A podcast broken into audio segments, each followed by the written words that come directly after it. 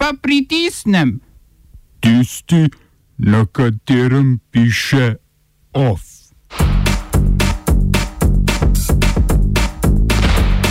Kitajska prepovedala oddajanje televizijskemu kanalu BBC World News. Italijanska stranka Gibanje petih zvest potrdila vstop v novo vlado pod vodstvom Marija Dragija. V Grčiji zaradi novega predloga izobraževalnega zakona množične študentske demonstracije.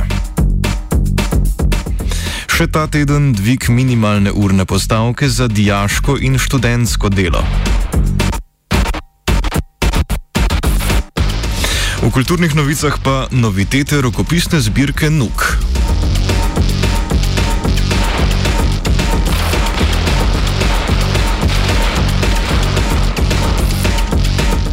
Dobar dan. Medijski regulator na kitajskem je televizijskemu kanalu BBC World News prepovedal oddajanje. Kot razlog za prepoved so navedli, da naj bi medij resno kršil smernice poročanja v državi.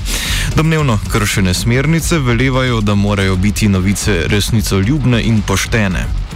Odločitev kitajskega regulatorja je bila sprejeta po BBC-jevem poročanju o mučenju in spolnem nadlegovanju nad ženskami ujgurskega ljudstva v kitajskih preuzgojnih taboriščih.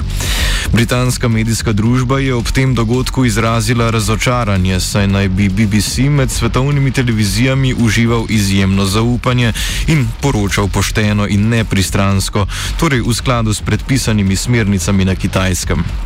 Britanski zunani minister Dominik Rab je odločitev Kitajske označil za kratenje svobode medijskega poročanja. Pred tednom dni je prišlo do podobne situacije, a so bile vloge zamenjane. Britanski medijski regulator je licenco za oddajanje oduzel kitajski televiziji CGTN, saj naj imetnik ne bi imel uredniškega nadzora nad vsebino, ki jo je nadzorovala kitajska komunistična partija, to pa ni v skladu z britanskimi pravili. Mjanmarska vojaška oblast je pomilostila in odredila izpustitev več kot 32 tisočih zapornikov. Iz zaporov bodo izpustili tudi 55 tujih zapornikov, obe odredbi pa je podpisal vodja vojaške hunte Min Aung Hwan. Hvajn, ki je po vojaškem udaru 1. februarja eden izmed vodilnih državnikov. Nekateri opazovalci domnevajo, da ima vojska z izpustitvami namen pridobiti prostor, da bi lahko prejela večje število političnih nasprotnikov in protestnikov. Protesti proti vojski se po celotni državi nadaljujejo tudi danes.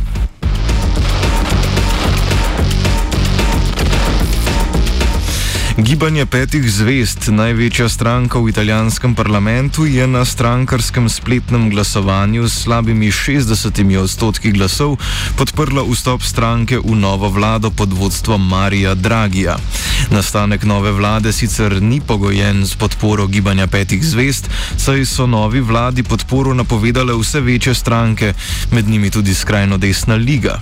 Gibanje petih zvest, ki ga vodi BP Grillo, je nastalo kot gibanje proti establishmentu, zaradi česar so vidni člani stranke kolebali o podpori Dragiju, ki je bil med letoma 2011 in 2019 predsednik Evropske centralne banke.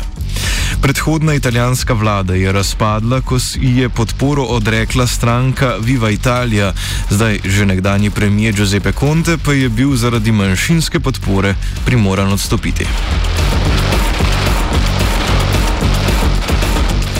Ameriški predsednik Joe Biden je uradno opustil odredbo nacionalnega izrednega stanja njegovega predhodnika Donalda Trumpa, s pomočjo katerega je Trump zagotavljal financiranje gradnje zidu na meji z Mehiko. Biden je v pismu predsednici predstavniškega doma Nancy Pelosi Trumpovo uporabo izrednega stanja označil za neupravičeno in zagotovil, da v gradnjo zidu ne bo preusmerjenega nič več davkoplačevalskega denarja. V času Trumpove administracije je bilo na južni meji ZDA zgrajenih slabih 130 km zidu, nekaj manj kot 1000 km zidu pa je stalo že pred Trumpovo inauguracijo.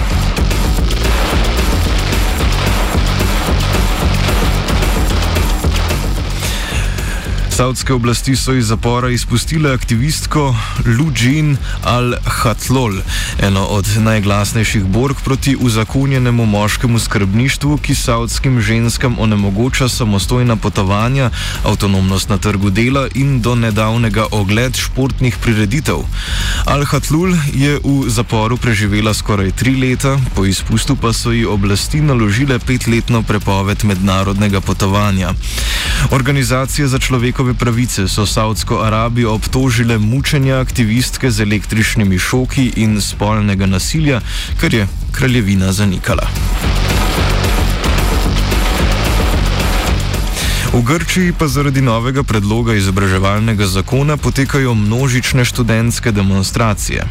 Zakonodajni predlog, ki ga je v parlamentu ložila vladajoča stranka Nova demokracija, predvideva oblikovanje posebne univerzitetne policije in disciplinskega sveta, ki bi imel moč izključiti študente in študentke na podlagi disciplinskih prekrškov.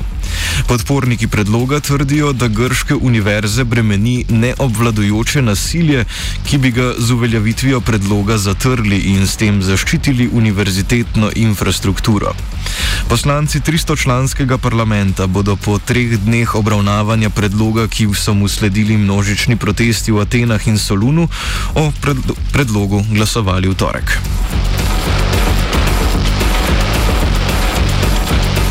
Pakistansko vrhovno sodišče je prepovedalo izvajanje smrtne kazni za obsojence z duševnimi boleznimi.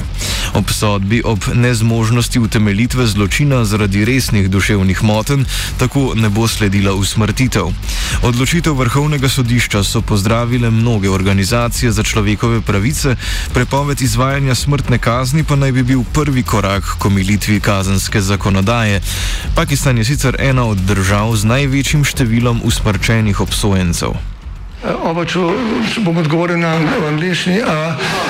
Slovenija bo poskušala pomagati. Slovenija bo naredila naš utmost, da bo rekla, da je situacija naš problem, sami. In bomo naredili nadaljnje korake, as soon as the conditions are. Bomo vlado Marjana Cererera Šarca podprli. Zelo, zelo resno. Slovenija. We know how and we will.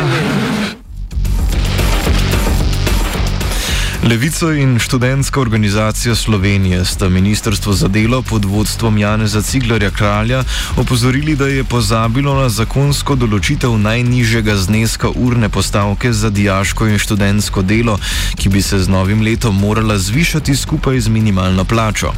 Novela zakona o uravnoteženju javnih financ, v skladu s katero bi do zvišanja postavke moralo priti, je bila sicer sprejeta novembra 2019. Teja Jarc, predsednica sindikata Mladi Plus, opozarja na nesprejemljivost zamujanja z dvigom minimalne urne postavke za dijaško in študentsko delo. Opozarja tudi na dejstvo, da bodo delavci študentje, ki so januarja opravljali študentsko delo, po dosedanji urni postavki prikrajšani. Ja, ob zadnji zakonski ureditvi minimalne plače smo bili sindikat Mladi Plus izjemno aktivni, ker smo ravno želeli doseči to, da se vsakokratna minimalna urna postavka za študentsko delo usklajuje z vsakokratno minimalno plačo. In takrat smo to dosegali, torej takrat se je študentska minimalna urna postavka povišala in seveda je logično, da potem vedno, kadar se poviša tudi minimalna plača v Sloveniji, more avtomatično to slediti tudi za študentsko um, pač postavko. Problem je zato, ker je to odvisno odvisno potem malo od ministra, ki seveda mora slediti zakonu, ampak če se potem on spreneveda, da je na to mal pozabil, potem seveda lahko mine cel mesec, kar se je zgodilo letos, ko torej študentje še vedno delajo pod nižjo urno postavko, kar sploh ne bi smeli biti dovoljeno. Um, tako da mi smo veseli, da je minister končno dojel, ampak vseeno pa se moramo zavedati, da je minister s tem precej zafrknil tiste študente in študentke, ki so delali v januarju in da seveda more zaradi tega nositi tudi neko politično odgovornost.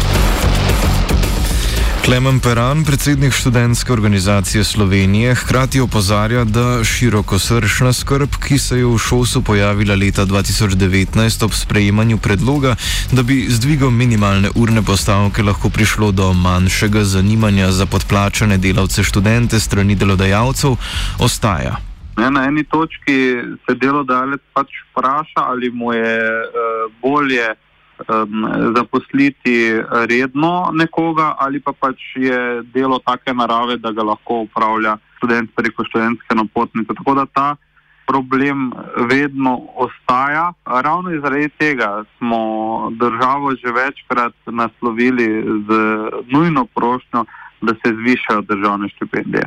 S tem, ko bomo zvišali državne štipendije, kar predlagamo tudi v svojem zakonu za urejanje položaja študentov, ki smo ga ravno ta teden predstavili svet, na svetu vlade za študentska vprašanja, takrat bodo študenti dejansko se lahko eh, veliko bolj fokusirali na svoj študij in preko študentskega dela upravljali tisto delo, ki jim eh, je v interesu ravno najbolj zaradi študija, ne pa da bodo morali delati, da bodo sploh lahko študirali. Tako da je to nekako eno z drugim povezano. Mi si predvsem želimo, da bi čim več študentov lahko normalno študiralo uh, in da socialne okoliščine ne bi vplivali na to, ali lahko nekdo normalno študira ali ne.